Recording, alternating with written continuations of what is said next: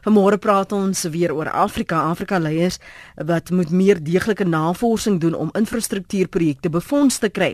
Die uitvoerende hoof van Nepad Agentskap, Dr Ibrahim Majaki, sê 'n gebrek aan lewensvatbaarheidstudies by beoogde infrastruktuurprojekte ry dikwels die vastelandse ontwikkeling in die wiele, veral wanneer befondsing van die privaat sektor verlang word. So vanoggend kyk ons na Nepad se doel en waar Suid-Afrika inpas in die ontwikkeling en die uitbreiding van Afrika. Heel eerstens vanoggend praat ons met Dr. Jackie Silje. Hy's 'n hoof van Afrika Toekoms en Innovasie Navorsing by die Instituut vir Sekuriteitsstudies. Goeiemôre dokter. Uh, Goeiemôre Lenet, hoe gaan dit? Dit gaan baie goed. Ek is so bly om weer vir jou op lig te hê. Die laaste keer het ons so lekker gesels. Ek het vandag nog herkou aan die uiteensetting van wat besig is om in die wêreld te gebeur en ek wil vir jou dankie sê dat jy my kennis so verbreed het en ek is bly dat jy weer vanoggend by ons kan aansluit. Kom ons praat oor Nepad. So dis in 2021 gestig om ontwikkeling in Afrika te fasiliteer. Wat was die mandaat en die verwagtinge wat ons gehad het van 'n Nepad? Ehm um, never het 'n het 'n lang en ingewikkelde geskiedenis. Uh jy is korrek tussen uh, 2001 gestig uh, deur hoofsaaklik deur president Mbeki. Ehm um, uh wat saam met Nigerië, Algerië, Egipte en Senegal ehm um, 'n inisiatief begin het en die idee is werklik om geboorte te gee aan wat ons vandag noem as die African Renaissance of Africa Rising sto story. Ehm um, aanvanklik het die NEPAD leiers gegaan na die uh, uh G8 of die G7 lande. Ehm um, dis nou die ryk industriële lande uh om befondsing te kry vir um, 'n her herlewing in Afrika. Dit het uiteindelik uh, uh daartoe gelei dat 'n NEPAD sekretariaat gestig is. Die NEPAD sekretariaat is nou in Midrand in Suid-Afrika. En dit is 'n subsektor van ehm um, uh die Afrika Unie se kommissariaat in Addis Ababa. Uh, die hoof daarvan op die oomblik is uh, uh Dr. Mayaki. Um en Nepad um uh, uh, werk in 'n sekere sin parallel deur die streeksorganisasies in Afrika. En wat sy doel is, hy is aan die een kant 'n uh, uh um 'n think tank. Um en aan die ander kant mobiliseer hy bronne, hy koördineer en hy evalueer uh oor 'n verskeidenheid van uh areas van menslike hulpbronne tot industrialisasie, wetenskap, integrasie, energie, water, uh natuurlike hulpbronne en so aan en so voort. So so die idee is dat NEPA tot 'n mate probeer dien as die suurdeeg uh om uh, buitelandse belegging uh, uh van die grond af te kry en om Afrika leiers te kry om veral streeksprojekte wat oor verskeie lande strek om uh befondsing daarvoor te kry en dit te initieer. Het ons na Mbeki Tabumbeki se era in sy Af African Renaissance het ons ietwat laks geraak in Suid-Afrika met ons toegewydheid om spesifiek Afrika projekte te dryf wat betref ontwikkeling, wat betref befondsing, want dit is vir my gelyk asof daar werklik ware oplewing was toe Mbeki so sy African Dream en sy African Renaissance uh, deurgedruk het. Ja, ek dink daar's geen twyfel. Kyk, uh, president Zuma het ingekom met 'n uh, uh, hy hy wil ander dinge doen as uh, as president Mbeki. Um en hy het uh, net om vir een voorbeeld te gee waar die aanvanklike idees van Neppe het werklik rondom die G7 lande uh industriële lande uh gewentel het wat Zuma gedoen het. Hy het natuurlik Suid-Afrika ehm um, baie meer na die BRIC-lande georiënteer, mm. China en Rusland spesifiek. Ehm um, maar ehm um, die uh, die momentum agter NEPAD het beteken dat Suid-Afrika nog al die tyd ehm um, steun gee aan aan NEPAD. Um, maar uh, hierdie tipe multilaterale uh, ooreenkomste en inisiatiewe het die steun ehm um, die politieke steun van uh, uh, in hierdie geval Suid-Afrika en ander lande nodig. So in my opinie het NEPAD uh, 'n bietjie momentum verloor, maar uh die uh, dokter Mayaki wat die hoof is van Nepad is 'n is 'n besonderse uh 'n persoon en uh da, daar is nog heelwat momentum maar ek dink dit is tyd dat Suid-Afrika herbelê in Nepad Ongelukkig is die situasie op die oomblik so dat ons het soveel interne probleme mm. en president Zuma sukkel ehm um, en kom aan die einde van uh van van sy termyn. Ek dink ehm um, weet Desember volgende jaar kyk ons na 'n nuwe ANC leier en ek um, in my opinie dink ek nie president um, Zuma gaan ehm um, uh, veel langer as Januarie uh, 2018 nog nog aan die uh, 'n stuur van sake wees nie. So daar gaan ek dink in die volgende jaar of twee nog al die tyd 'n uh, 'n transisie wees en miskien 'n gebrek aan steun vir die inisiatief die Afrika inisiatief wat uh, president Mbeki aanvanklik baie um, voorbekend was. Wat, wat het hy in daai daai tydvak van van Afrika inisiatiewe en veral toe hy daar was um, en net so voor miskien uh, president Zuma se se se bewind wat he, het ons bereik he, het ons momentum gehad wat ons kon sê maar Suid-Afrika ek meen jy het nou verwys na um, die die uh, kantoor hierso in in Suid-Afrika maar het ons kan ons sê hierdie is wat ons bereik het? Kan ons sê hier het ons gesien ons floreer hier het ons gebaat by hierdie projekte en en daarna met Zuma se aankoms het iets wat het ons verslap um, ver, verwys jy nou na spesifiek na Suid-Afrika? Suid-Afrika um, ja, voordele wat, ja, voordele wat ons uh, gehad het. Kyk, Suid-Afrika ehm um, Uh, president Zuma is die voorsitter van een van die subkomitees van NEPAD wat kyk na um, om infrastruktuur oor hele Afrika te bou. Dis 'n presidensiële kommissie. Maar die idee van NEPAD is nie eintlik om Suid-Afrika te ontwikkel nie, want ons is een van Afrika se mees ontwikkelde lande. Maar die idee is om veral uh, die res van Afrika te ontwikkel en om lande soos Suid-Afrika te gebruik om die res van Afrika te ontwikkel. Nou indirek is dit in Suid-Afrika se direkte belang want die enigste streek in die wêreld waar ons 'n uh, handels uh, voordeel het, 'n surplus het, ek weet nou nie, ehm um, uh, is uh, is die res van Afrika. Dis waar ons 'n uh, um, uh, spesifieke voordeel het. Al ons is, uh, ons het 'n uh, handels of uh, oorskot voorskot, ek weet nie of die korrekte term is vir die res van Afrika. Um, dis ons natuurlike uh, uitvoer uh, domein. Um so deur die res van Afrika te help deur infrastruktuur te bou ensovoorts ensovoorts indirek help ons vir Suid-Afrika. Um so net dit is nie eintlik direk gerig daarom om uh, Suid-Afrika te help nie. Dit dit is tot 'n mate is die aanvanklike rasionalisasie dat die sleutellande in Afrika, die groter sterker lande, Egipte, Suid-Afrika, Senegal ensovoorts, ehm um, laat ons help om die res van die streek te ontwikkel want dit sou ook in ons belang wees. Hmm. Kry jy die idee dat suider, oos, wes in hulle eie rigting ingaan, eie koers ingaan, dat hulle so gefokus is op wat die die die die bate, die voordeel van my land of my ehm uh, ja. domein dat die streek nie werklik daarbey baat nie tensy ek as as 'n land daarbey baat nie. Kyk wat wat besig is om te gebeur is dat ehm um, Afrika is besig om meer ingewikkeld en ehm um, kompleks te word. Ehm uh, want die wa, waar 20 jaar gelede ehm um, Afrika 'n probleem was, is Afrika vandag hy groei uh, verskillende lande groei teen verskillende tempos. Daar is party lande wat in oorlog en ehm um, vasgevang is en so en so voort. Maar daar is baie lande wat uh, redelik goed doen. En ons vooruitskattinge is dat Afrika in die gemiddeld in die toekoms uh, 5-6% gemiddeld gaan groei. En nou dit gegeewe die wat uh, die die ehm um, groeikoers in die res van die wêreld is dit 'n goeie goeie groeikoers. Maar hierdie ontwikkeling van Afrika beteken laat ehm um, Afrika lande ehm um, teen verskillende hulle groei verskillend. En uh, Afrika raak meer divers en meer kompleks.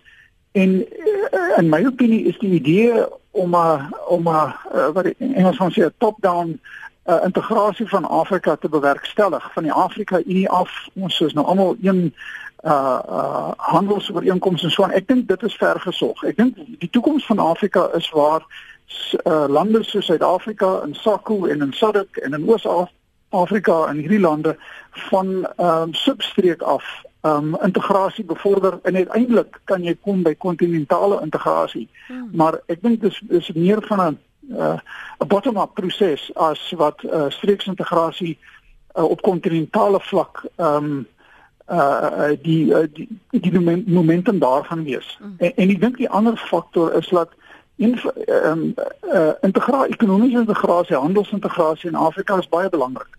ehm um, as ons uh, internasionale rol wil speel. Ons markte is net te klein en so voort en so voort. Maar die probleem is dat ons kan nie integreer nie want ons het nie die infrastruktuur nie. Ehm um, ons kan nie met mekaar handel dryf nie want tradisioneel is al die infrastruktuur in Afrika gebou om uit te voer. Ja. Um, na die koloniale lande. So een van die eerste fases uh, wat ons nou almal by betrokke is, is om infrastruktuur te bou, om energie te kry sodat uiteindelik um, ons wel kan integreer. So dis amper 'n stap na integrasie en ek dink en daar's ook natuurlik baie gesprek oor die behoefte van Afrika om te, uh, te ja, te industrialiseer vir 'n groen revolusie in Afrika en soos en soos.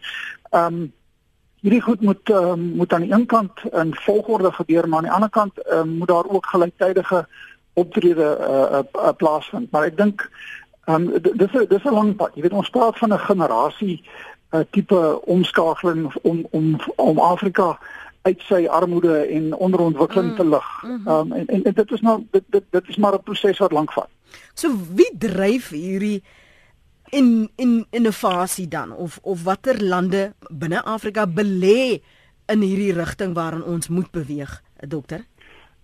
Kyk, dis dis iets wat ehm um, daar die jare heen is daar nou verskeie ehm um, studies en sovoorts gedoen uh, onder andere deur NEPAD onder, onder andere deur die uh, VNC ekonomiese kommissie vir Afrika wat na Addis Ababa is die die Afrika uh, um, uh, ontwikkelingsbank wat in Abidjan is uh, ensovoorts ensovoorts en al hierdie streeksorganisasies uh, belê en probeer um, Afrika se die infrastruktuur in Afrika te ontwikkel om befondsing daar te stel en die Suid-Afrikaanse Ontwikkelingsbank is ook daarbey betrokke. Ehm um, sodat ons hierdie infrastruktuur ehm um, ehm um, tekort wat wat ons ehm um, terughou, laat ons dit kan ontwikkel want ons het 'n klomp uh daar's 'n klompie voorvereistes vir Afrika se ontwikkeling. Ons het 'n geweldige menslike hulpbronne uh 'n menslike um, um, voordeel in terme van ons bevolkingsgroei, ons dinamiese bevolking vir alle groot uh, werkersklas, dis die ou mense in die ouderdom van 15 tot 65 jaar. So ons het 'n klomp voordele, maar ons het nie genoeg ehm um, infrastruktuur nie. Ons het nie ons het met uit die hart van die saak belê in onderwys, uh energie is 'n groot uh, tekort en elektrisiteit ensovoorts. So wat voorheen gebeur het is dat niemand in Afrika ontbelê nie want uh, die kontinent daar was nie potensiaal nie. Nou groei Afrika. So internasionale uh, banke ensovoorts soek projekte. Maar wanneer hulle wil belê, dan kom hulle na Afrika toe en hulle sê dan hierdie Mickey Mouse projekte wat julle het is nie groot genoeg vir ons nie. En dis werklik die situasie. Uh ons stel belang in multi-biljoen rand, biljoen dollar projekte wat julle kan uh, implementeer en waarvoor julle ehm um, die waarborge kan hmm. lewer. So wat ehm um, besig is om te gebeur is organisasies soos Nepad probeer hierdie prosesse fasiliteer sodat ons ehm um, die internasionale finansiële bronne ehm um, kan trek na Afrika toe en laat hulle kan ontwikkel. En natuurlik wat gebeur het met China ensovoorts het natuurlik baie vir Afrika gehelp. Uh, die die behoefte wat China tot onlangs gehad het vir Afrika se ehm um, hulpbronne het 'n uh, geweldige impak op ehm um, op ons groei gehad. So al hierdie tipe dinge moet bymekaar kom en dis almal uh, uh, uh, lewer 'n bydrae tot die groei van Afrika. Mm. Maar ehm um, dis dis 'n lang pad. Jy weet ons kom uit 'n ons kom uit 'n met met 'n groot nadeel tot die internasionale mark, maar baie van jou ehm um, strategiese kenners ensovoorts kyk na die wêreld en dan sê hulle wel, jy weet China het ontwikkel, Indië is besig om te ontwikkel en die volgende groot mark en ehm um, uh, uh streek met potensiaal is Afrika. Um, ehm um, it's sort of high risk, high return kind of investment. En Uh, dit is uh, hierdie is alles 'n geïntegreerde proses waar wat uh, net onder andere 'n spesifieke rol speel. En, en is dit waarom daar soveel meer aandag en energie geplaas is in die ontwikkeling en die uitbreiding van BRICS en die beleggings daar dat NEPA dan toe al hoe meer agtergelaat is. Ja, kyk, uh, is toe president Zuma in 2009 president geword het, um, was die wêreld en Suid-Afrika vasgevang in ehm um, die grootste depressie sedert die 1920s voor sedert na die Eerste Wêreldoorlog. Inter, jy weet en uh toe hy en, en wat gebeur het is hy het toe hy president geword het, het hy gekyk na waar kan hy Suid-Afrika where where is growth going to happen? Mm. En groei ehm um, op daardie stadium was was dit was net China wat gegroei het internasionaal. Jy onthou die Europese Unie, die Amerika, al hierdie lande was uh, hulle was nie in depressie nie, maar amper. Ehm um, en uh, Suid-Afrika het toe ehm um, aangeklop uh, en uiteindelik 'n lid geword van die BRICS alliansie ook weens politieke en ideologiese redes maar ek dink mense onderskat die ekonomiese um, uh um oriëntasie uh vir Suid-Afrika om lid te word van van BRICS. Um met die idee dat ons dat uh, China Suid-Afrika sal help. Um natuurlik China is ook 'n kompetisie vir Suid-Afrika. Van en en dit is dit is, dit is natuurlik die nadeel van ons uh, alliansie en lidmaatskap um, met BRICS. Maar die die uh, uh, vlak van ontwikkeling wat ons gesien het in China het 'n groot rol gespeel in in wat ons nou sien uh, as die die Africa rising narrative die die ontwikkeling van uh, van Afrika maar in die proses ehm um, ehm um, het het Suid-Afrika ook 'n prys betaal dink ek. Kom ons hoor gou wat dit koes op die hart. Dankie vir die aanhou. Koos môre. Môre Lenet, uh ek het ek het eintlik gevra wat ek wil vra, maar ek wil ook so 'n bietjie my ondervinding wat ek het bietjie met julle deel want uh ek is ook betrokke in Afrika en ek is die afgelope 10 jaar betrokke in Afrika.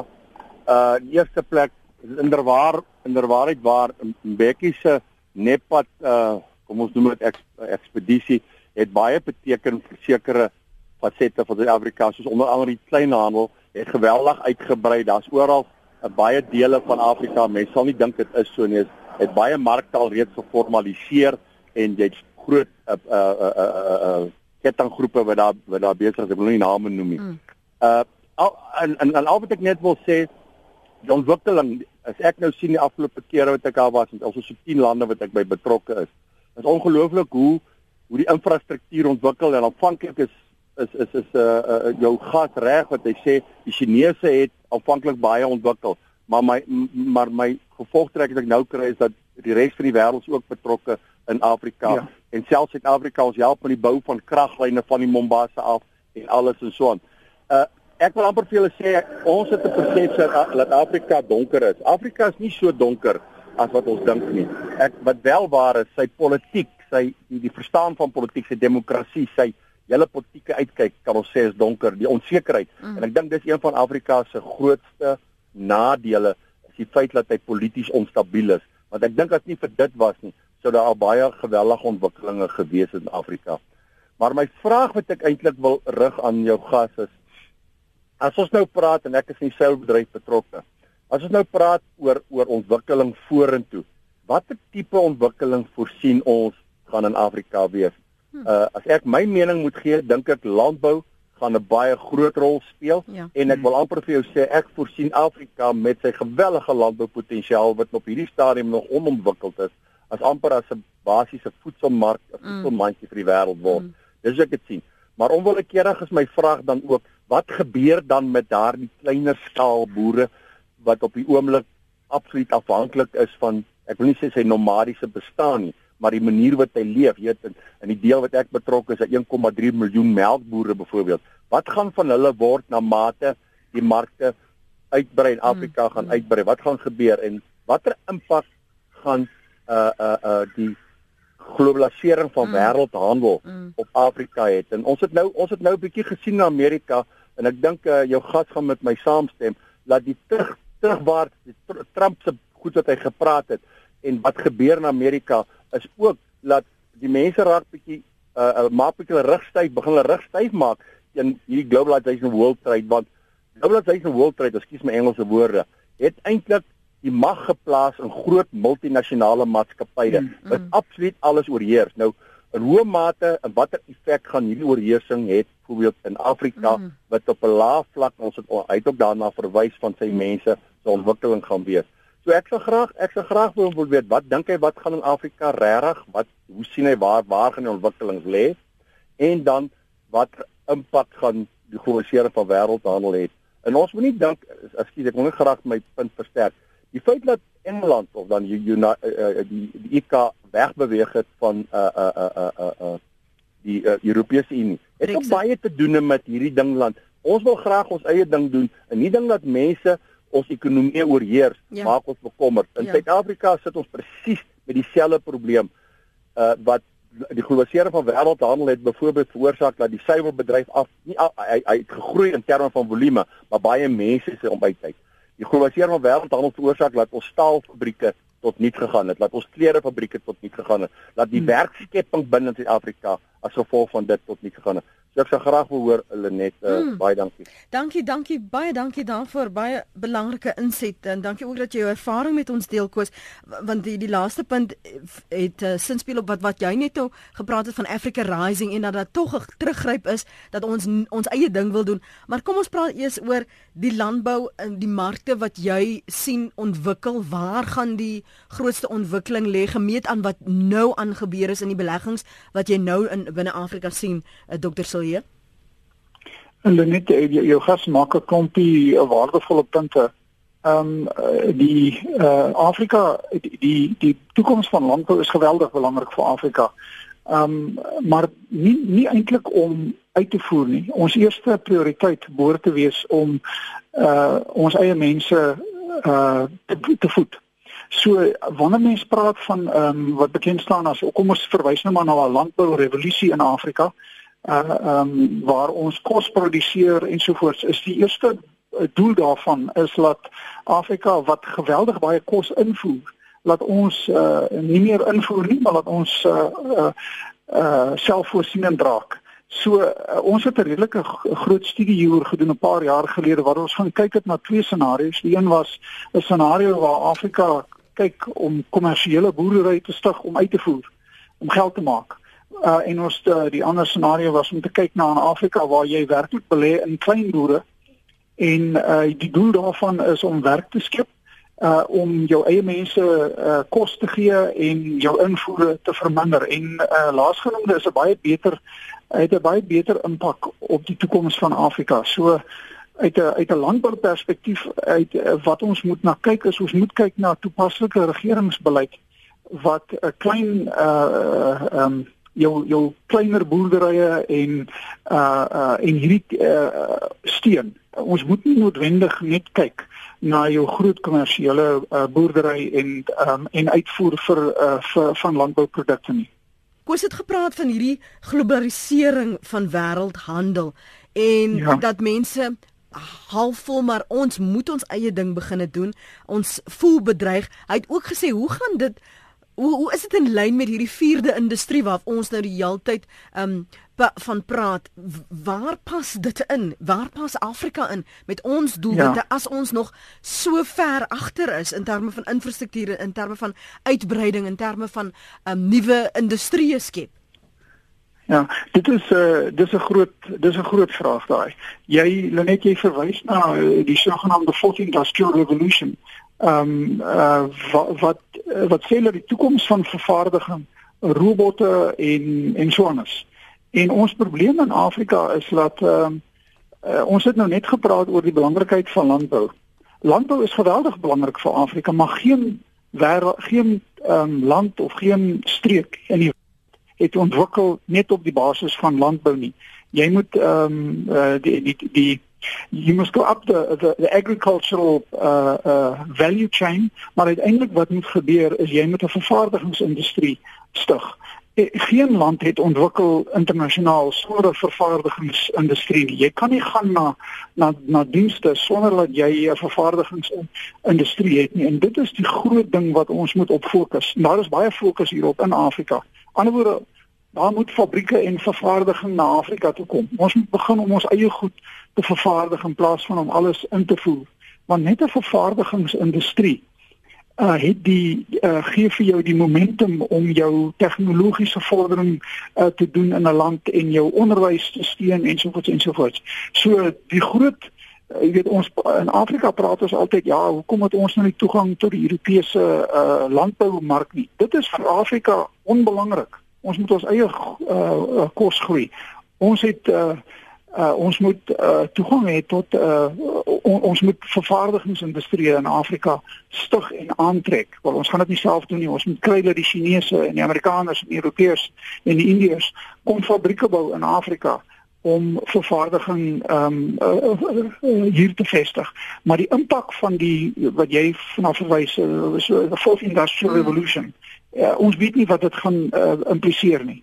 sien ons dat die die sentralisasie van vervaardigingsvermoë wat ons nou sien deur uh, sogenaamde driedimensionele uh, drukker ensovoorts wat 'n impak gaan dit hê ja. op uh, dienste op um, die voorsiening van arbeid van werksgeleenthede in die vervaardigingsindustrie want uh, beide die landbou en die vervaardigingsindustrie in Afrika dit is uh, 'n uh, groot faktor daar is om uh, werksgeleenthede te skep vir hierdie honderde miljoene jong mense wat ons het wat 'n probleem gaan word indien ons nie vir hulle kan werk gee nie. Willem, dankie vir jou oproep. Wat het jy op die hart? Uh is nie Willem nie, is Lou. Lou. Uh hallo, môre hulle net. Ek wil net vra vir dokter Isolie vra wanneer gaan hulle 'n uh, brug bou by Kasane? Want die die die lorries wag baie keer tot 5 dae daar voor hulle met 'n fonds oor die oor die Zambesi kan gaan.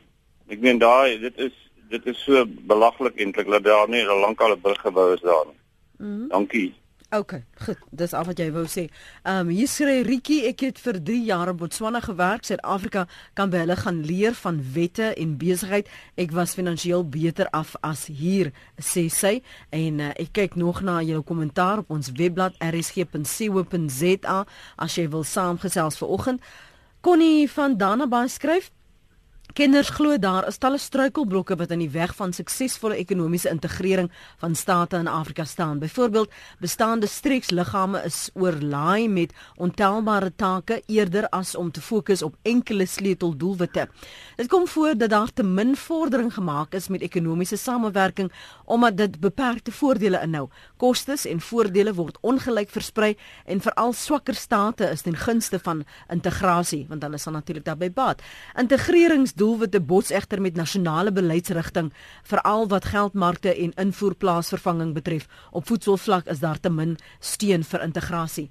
Deel jy hierdie hierdie uh, geloof van in die punt wat wat uh, kon hier maak, uh, dokter Silje? Ja, ek ek ek stem oorspronklik daarmee saam. Jy weet ons kan kyk net na die Suid-Afrikaanse ontwikkelingsgemeenskap. Ehm um, wat wat werklik ehm um, uh, bitter min ehm um, effektiewe bydrae lewer tot tot effektiewe uh integrasie en handel in in Suidelike Afrika en en hoekom is dit die geval en dit is omdat die streek verdeel is. Um en uh, die Suid-Afrikaanse ontwikkelingsgemeenskap het geen autonomie, hy het geen gesag om enigiets te doen nie. Hy het 'n horde van prioriteite Ehm um, en hy kom nie by een van hulle uit nie. So ehm um, uh, en die, die probleem by by baie van hierdie is is polities. Dit is die kwaliteit van regering, dit is jy weet terwyl jy mense soos Robert Mugabe en Dos Santos en so aan het, uh, moet mense nie verwag dat uh, Suidelike Afrika 'n uh, vordering gaan maak nie, maar uh, hulle uh, hulle tyd kom aan 'n einde. En soos wat uh, ons uh, uh, uitbreiding van kwaliteit demokrasie het, dis 'n stadige proses ehm um, en die daarstel van en soos wat af, gewone Afrikaner ehm um, uh 'n klem plaas op uh diensverskaffing en en sovoorts en sovoorts. Um uh that changes the quality of governance and the and the quality of governance will translate into more effective policy implementation. Dit vat tyd. Um en um so ek, jy weet soos van jou gaste gesê het, agter baie van hierdie probleme is politieke ehm um, uh probleme en uh hierdie hierdie gebrek aan demokrasie, die gebrek aan kwaliteit uh regering en dienslewering vertraag die groei en die integrasie van uh van onder andere Suidelike Afrika. Maar uh, hierdie goed is besig om te verander. Gideon Erasmus sê hy wonder of hy regtig enige vordering in Afrika is. Dis nou sy mening, gemeet aan 'n webwerf wat hy in in Nieu-Seeland na gekyk het. Uh, dis in Nieu-Seeland waar hulle inwoners wat na Afrika wil reis waarsku teen die gevaar daaraan verbonde. En hy sê dit is eintlik skrikwekkend om te lees wat geskryf word en dit word in klasse verdeel van extreme risk to some risk. Ek weet nie of ek dit sou waag om in Afrika te wil reis as ek dit sou lees nie, skryf Gideon Erasmus. Maar julle daar by die Instituut vir Sekuriteitsstudies reis gereeld. Daar's baie van ons ander luisteraars wat gereeld uh, reis binne Afrika wat wat veilig voel. Uh, wat sê ons vir Gideon Erasmus wat ehm um, skepties is, dokter? Nee, maar daar's ons eh, kyk Afrika is redelik veilig om in te reis. Ek ek reis baie deur die deur die kontinent en eh, dit is altyd interessant om te sien hoe baie Suid-Afrikaners Ja. uh, aktief in in sy in Afrika is en hoe hoe goed hulle doen. Ehm um, dit, dit is eintlik ongelooflik om te sien hoe Suid-Afrika in elke stad en dorp waar jy kom, sien jy twee dinge. Jy sien die ontwikkeling wat plaasvind wat plaasvind. Jy weet jy gaan Addis Ababa toe en hulle het nou ehm um, uh, 'n tramstelsel ehm um, en so voort. Jy weet die die ontwikkeling wat plaasvind in in in Afrika stede is ongelooflik. En dit is daar's baie geleenthede. En dan sien jy oral sien jy Suid-Afrikaners wat uh, baie goed besigheid doen. Iets wat 'n probleem is wat uh, uh, verset al wat wat mense optel as jy byvoorbeeld Oos-Afrika toe gaan, jy gaan Kenia en Uganda en na hierdie lande toe, dan sien jy net dat ehm um, baie van van die uh, mense in Oos-Afrika en tot 'n mate Wes-Afrika is baie meer entrepreneurial as Suid-Afrikaners. Uh, die gewone mense en Hmm. en dit dit altyd betref my altyd hoe um how entrepreneurial the ordinary Ugandan and Kenyan is compared to the ordinary South African. Um ons het baie om te leer by by uh, by van hierdie lande. Dis 'n een ding wat my opgeval het toe ek eendag in Burundi was, is dat en en toe was selfone nog nie so volop selfs hier in Suid-Afrika nie. Hoe jy Ja. kon selfoon 'n uh, ligtyd koop by 'n ou wat op die op die hoek gestaan het en vir jou dan Ja, selfoon 'n ja. uh, uh, ligtyd gestuur het en en dit was 'n aanvaarbare transaksie. Jy hoef nie te gaan na 'n groot sentra toe nie, jy hoef te gaan na 'n kiosk toe nie. Die ou op die straat, hy is net 'n handelaar. Dit was vir my so Ja. innoverend. Nee, dis dit uh, dit is iets wat ek dink ons kan ons kan leer van, jy weet ons uh, ons in Suid-Afrika het 'n relatiewe kleiner informele sektor as baie ander Afrika lande. Dis 'n uh, historiese geval as gevolg van apartheid en so aan en so voort. Ehm um, maar ehm um, in baie ander lande is die veral die informele sektor baie meer dinamies as wat dit in Suid-Afrika is en en uh, ja, ons uh, ons kan leer wat veral in die uh um in die IT industrie gebeur. Jy weet Ishahidi Ishahidi en hierdie tipe inisiatiewe Hmm. in Kenia en ander lande is is 'n voorbeeld van hoe Afrika kan ontwikkel van die grond af. Jy het net nou verwys na hierdie narratief van Africa Rising en jy, jy sien dit Mhm. baie op Twitter en op selfs uh, van die uh, vervaardigde uh, programme. En, nou waar as ons nou sê ons wil herleef, ons wil uitbrei en uitbou. En vir so lank het ons na Europa gekyk om in ons te belê.